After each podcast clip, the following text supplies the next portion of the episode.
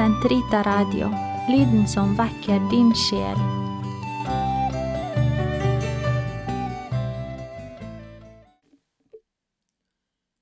Den katolske kirkes katekisme, uke 9, torsdag, paragraf 1182 til 1193. Alteret i den nye pakt er Herrens kors som påskemysteriets sakramenter veller frem fra. På alteret, som er kirkens midtpunkt, blir korsets offer gjort nærværende under sakramentets tegn.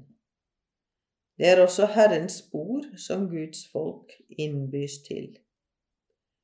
I visse orientalske liturgier er alteret også symbol på graven. Kristus er sannelig død og sannelig oppstanden. Tabernaklet skal plasseres i kirkene på et meget verdig og meget ærefullt sted. Det eukaristiske tabernakel skal ved sin skjønnhet, plassering og sikring muliggjøre tilbedelse av Herren som virkelig er til stede i alterets hellige sakrament. Den hellige krisma, myron, som brukes til den salving som er det sakramentale tegn på Guds gave, Den hellige ånds innseil, blir etter tradisjonen oppbevart og æret på et verdig sted. Man kan også oppbevare katekumenoljen og sykesalvingsoljen sammen med den. Biskopens katedra eller prestens stol skal uttrykke oppgaven til den som fører forsetet, og som leder i bønn.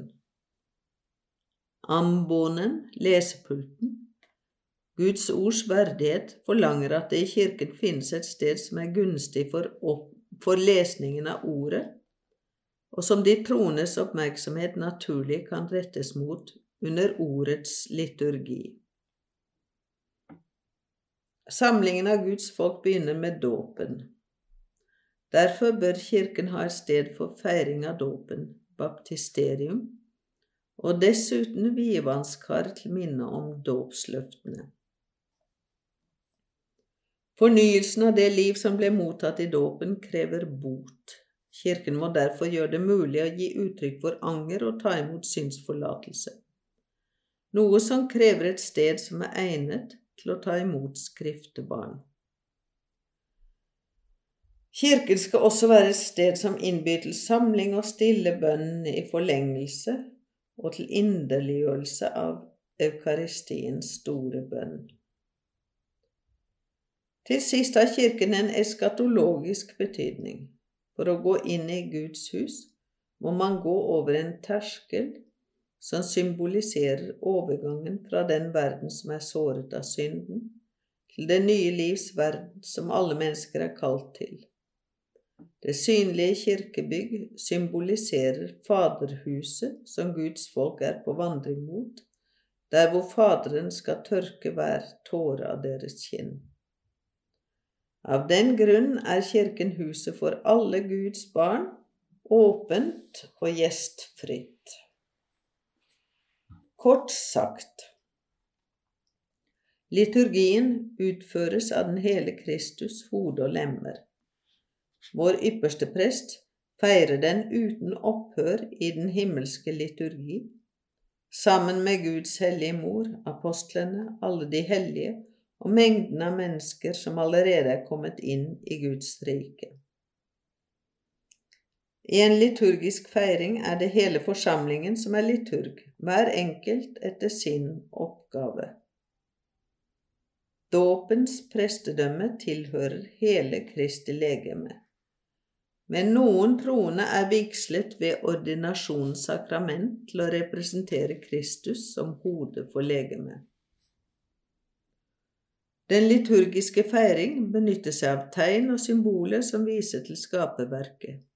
Lys, vann, ild, til menneskelivet, vaske, salve, bryte brød, og til frelseshistorien, påskefeiringens riter.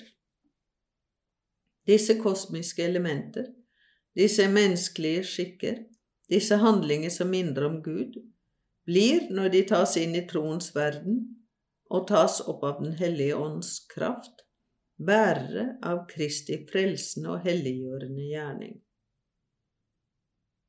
Ordets liturgi er en vesentlig del av feiringen. Meningen med feiringen gis til kjenne ved forkynnelsen av Guds ord og ved troens forpliktende gjensvar.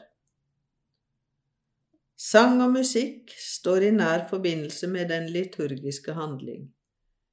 Kriteriene for god bruk av disse er disse en skjønnhet som uttrykker bønn, full deltakelse fra forsamlingen og feiringens sakrale preg. De hellige bilder som finnes i våre kirker og våre hjem, er ment å vekke og nære vår tro på Kristi mysterium. Gjennom ikonet av Kristus og hans frelsesverk er det ham vi tilber. Gjennom hellige bilder av Guds hellige mor, av engler og helgener, ærer vi de personer som er fremstilt. Søndagen, Herrens dag, er den viktigste dag for feiring av eukaristien, siden den er oppstandelsens dag. Søndagen er fremfor noen dagen for å komme sammen for å feire liturgien, den kristne families dag, gledens dag og hviledag fra arbeidet. Den er grunnlaget for og kjernen i hele det liturgiske år.